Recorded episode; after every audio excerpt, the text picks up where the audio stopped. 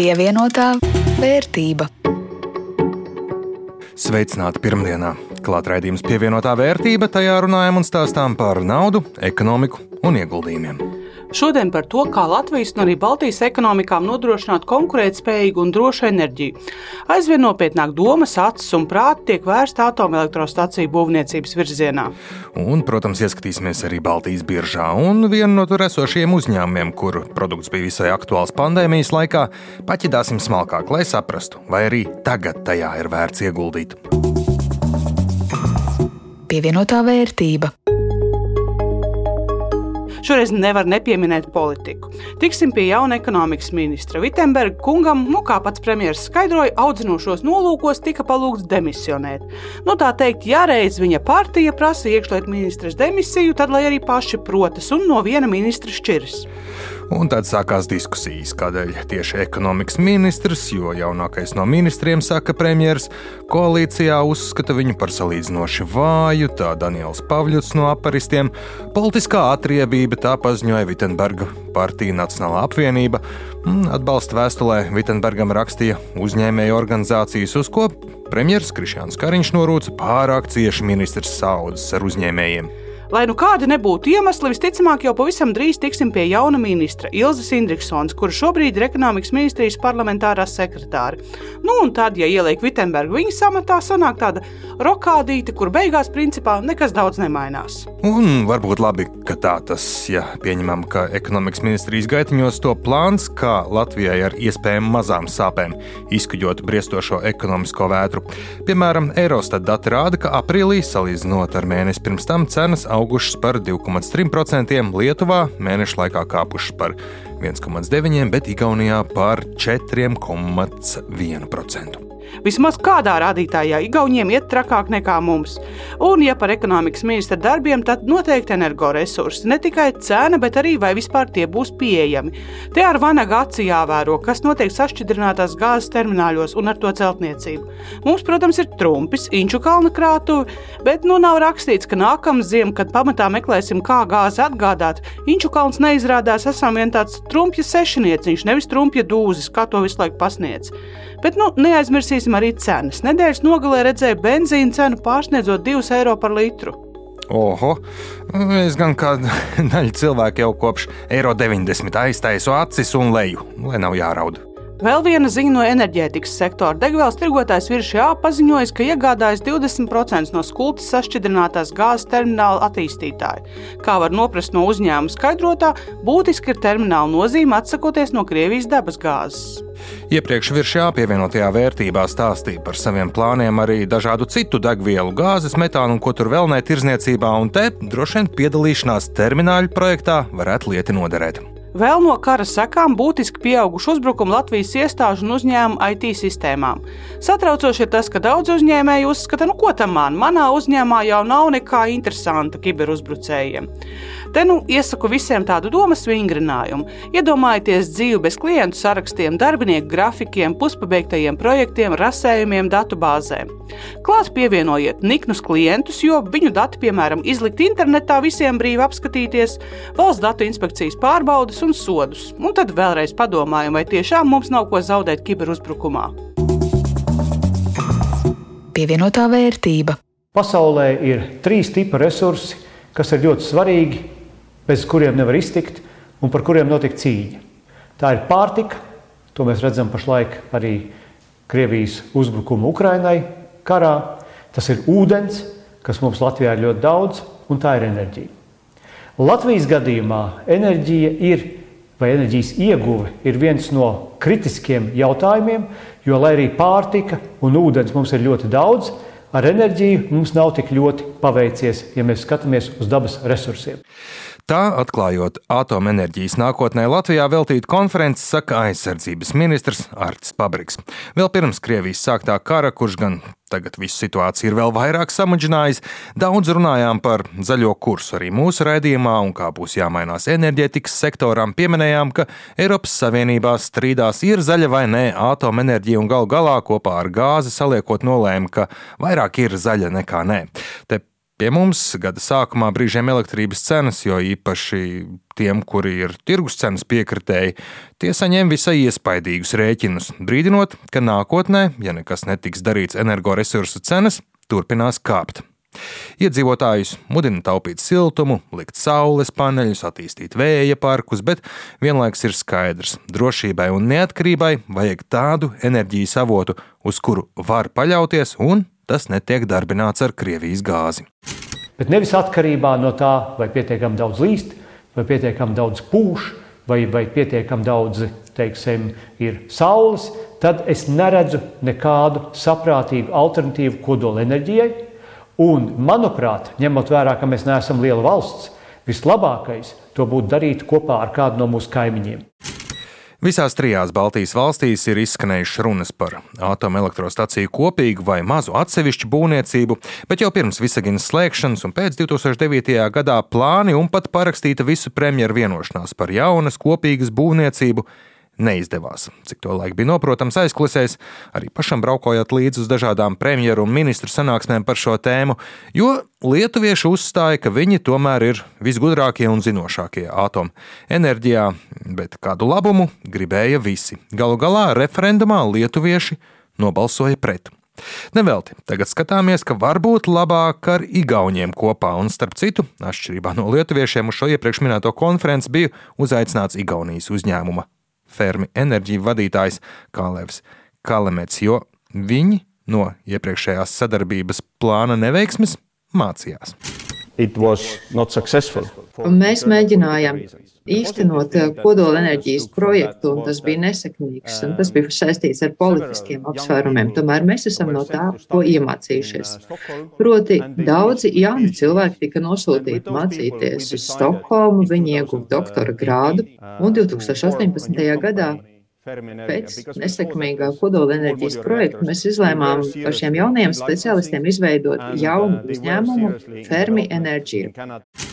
Jāteic, Igauni jau diezgan tālu ir tikuši ar praktiskām aplēsēm par to, ka visizdevīgāk būtu neliels modulārais kodola reaktors, pēc šī brīža cenām maksātu 1 miljardu un nodrošinātu 300 megavatus jaudas ar visiem papīriem un saskaņošanām uzbūvējams desmit gados. Ja šobrīd elektrības cena par megawatu stundu ir ap 200 eiro, tad neko nedarot un problēmas nerisinot, Igauni rēķina, ka tuvākajās ziemās jau maksāsim vismaz divreiz vai pat trīsreiz dārgāk dārgāk. Igauni savus aprēķinus zem pūra un noslēpumā netur. Palīdz arī Latvijas energo milzim Latvenergo, un kā stāsta Māris Balodis, Latvenergo izpētes un attīstības direktors, atšķirībā no naftas un gāzes, urānam atrast citus piegādātājus ir daudz vieglāk. Urāna ieguva pasaulē eh, lielākās valsts - Kazahstāna, Austrālija, Namībija un Kanāda. Tās nav, kā zināms, ar augsta riska valstis, tā tad uh, ir iespējama diversifikācija piegādē, un uh, tas arī dod iespēju situācijās, nu, ja vajag mainīt uh, elektrostacijai citu piegādātāju. Un Latvijai, piemēram, elektrības gada patēriņa nodrošināšanai pietikt ar 35 urāna kasetēm, kuras kopā sver tikai ap 17 tonnām. Diezgan viegli atvest. Protams, pārsvarā publiskajā telpā par jaunām elektrības jaudām galvenokārt tiek runāts no tāda ekonomiskā un ģeopolitiskā riska mazināšanas pozīcijām, bet savā ziņā tas ir arī paša energotīkla drošības jautājums pēc atvienošanās no Krievijas tīkla. Baltijas reģions pēc desinhronizācijas ar eh, Brelu un savienojoties eh, sinhroni ar Centrālu Eiropu, ar dažām līnijām, caur polijas sinhronām līnijām. Viņš būtu reģions vienīgais pasaulē ar tik daudz uh, līdzstrāvas savienojumiem, kas sinerģijā ar mainīgu atjaunamo ģenerāciju padara šo sistēmas vadību sarežģītāku, komplicētāku. Līdz ar to tas ir arī teiksim, daudz eh, iemesli dažāda veida drošuma riskiem. Līdz ar eh, to tiek veikti dažādi pasākumi. Jau sistēmas operators ir uzstāts sinhrono kompensātoru plāno uzstādīšanu, daļa ir uzstādīta. Tad praktiski tās ir rotējošas rezerves, kas nodrošina sistēmas stabilitāti. To pašu varētu arī veikt ģeneratori, kā piemēram, kā kodolstacijas, lai nodrošinātu sistēmas stabilitāti reģionam nākotnē. Bez tādiem praktiskiem un loģiskiem aprēķiniem Balods gan prognozēja, ka būs visai daudz jāskaidro sabiedrībai moderno mazo atomelektrostaciju darbības principi, drošība un tas, ka tā patiesībā ir zaļa enerģija, jo, kā rāda sabiedrības aptaujas, tā dedzīgi atbalsta saules un vēja enerģiju, bet pilnīgi noteikti un kategoriski teju puse ir pret atomelektrostacijām. Modulārās atomelektrostacijas par ļoti piemērotu Baltijas valstīm uzskata arī Rīgas Tehniskās Universitātes profesors Oļegs Linkēvičs, jo ir visai skaidrs, ka visticamāk Baltijas valstis kopā daudz miljardu lielu tradicionālu staciju nespēs uzcelt. Tātad runa iet par kodolreaktoriem ar jaudu no 10 līdz 300 megavatiem. Šo tehnoloģiju raksturo augstākā modularizācija standartizācija un rūpnieciski ražotas konstrukcijas, kas maksimāli palielinātu sērijas ražošanas intensitāti, jeb tā saucamo sērijas efektu. Respektīvi, ja kaut ko ražo sēriju veidā, masveidā, tas ir lētāk, un arī ražotājs atbild par savu iekārtu un tās drošību. Mazie kodola reaktori ir drošāki, un mums pašiem pret tiem vajadzētu būt mazāk iebildumiem, saka eksperts. Šāda tehnoloģijas ir pamatā ir aprīkotas arī ar pasīvām drošības sistēmām. Jo, ja mēs runājam par eh, kodola enerģētiku, kodola atomelektrostāciju būvniecību blakus mūsu pagalmam, tā nosacīti, tad uh, mums pirmkārt jāparūpējas par kodola drošību. Tas ir viens no svarīgākajiem aspektiem, pirms mēs sākam būvēt atomstāciju. Un, un šīs pasīvas drošības sistēmas, kas ir izmantotas jaunas paudzes kodolreaktoriem, šādu iespēju mums dod. Līdz ar to arī samazināt aktīvas zonas izkūšanas varbūtība un arī minimāli ietekmē uz apkārtēju vidi. Bet kā vienmēr galvenais jautājums jau ir, cik tas viss maksā un cik par to būs jāmaksā iedzīvotājiem. 4 līdz 6 centi par kilovatstundu tā liecina starptautiskie pētījumi. Vidēji ir novērtēts, ka šīs izmaksas, angļu valoda LCOI, atkarībā no diskonta likmes varētu būt diapazonā no 45 līdz 70 eiro par megawatu stundu. Mūsu pašu aprēķini pierāda apmēram to pašu. Tas gan ir atkarīgs no tā, cik labi būs noslogots šis kodolreaktors. Un šī pietiekoši laba cena. Un jāsāk arī, ka atomelektrostācija atšķirība piemēram no vēja un saules ģenerācijas, kur uh, mēs būvējam, un tas uh, darbības laiks ir 25, 30 gadi. Bet atomelektrostācijas darbības laiks ir 60 gadi. Bet ielūkosimies arī Baltijas biržā. Aizvadītā bija mana nedēļa. Lietuvas biržas indeks uz augšu par 1,3%. Rīgai un Tallinai gan kritums attiecīgi 1,6 un 1,7%, un tad jau rudīt tavs ieguldījumu portfelis ir palicis mazliet resnāks. Par veseliem 5 eiro. Šobrīd mani sākotnēji ieguldītie 300 eiro ir gandrīz 395 eiro vērti. Tendence ir laba, tā turpināt. Bet kā tev, Jānis? Man tā kā Lietuvā ieguldīts maz, bet vairāk Igaunijas un Latvijas uzņēmumos, tad aizdītā nedēļa man no kopējā portfeļa vērtības kārtējos 6 eiro nograuz nost, bet vēl turos vadībā ar kopējo portfeļa vērtību 450 eiro. Varbūt arī jāsāk skatīties pēc kādām jaunām ieguldījuma iespējām. Nē, nu tu, Jāni, varētu apsvērt tehnoloģiju uzņēmumu no Igaunijas, Aerobot Technologies, kas ražo inovatīvas gaisa kvalitātes sistēmas. Uzņēmums strādā nepilnus deviņus gadus, bet pandēmijas gadi radīja lielu izrāvienu tā darbībā, jo pieprasījums pēc gaisa kvalitātes sistēmām tikai auga.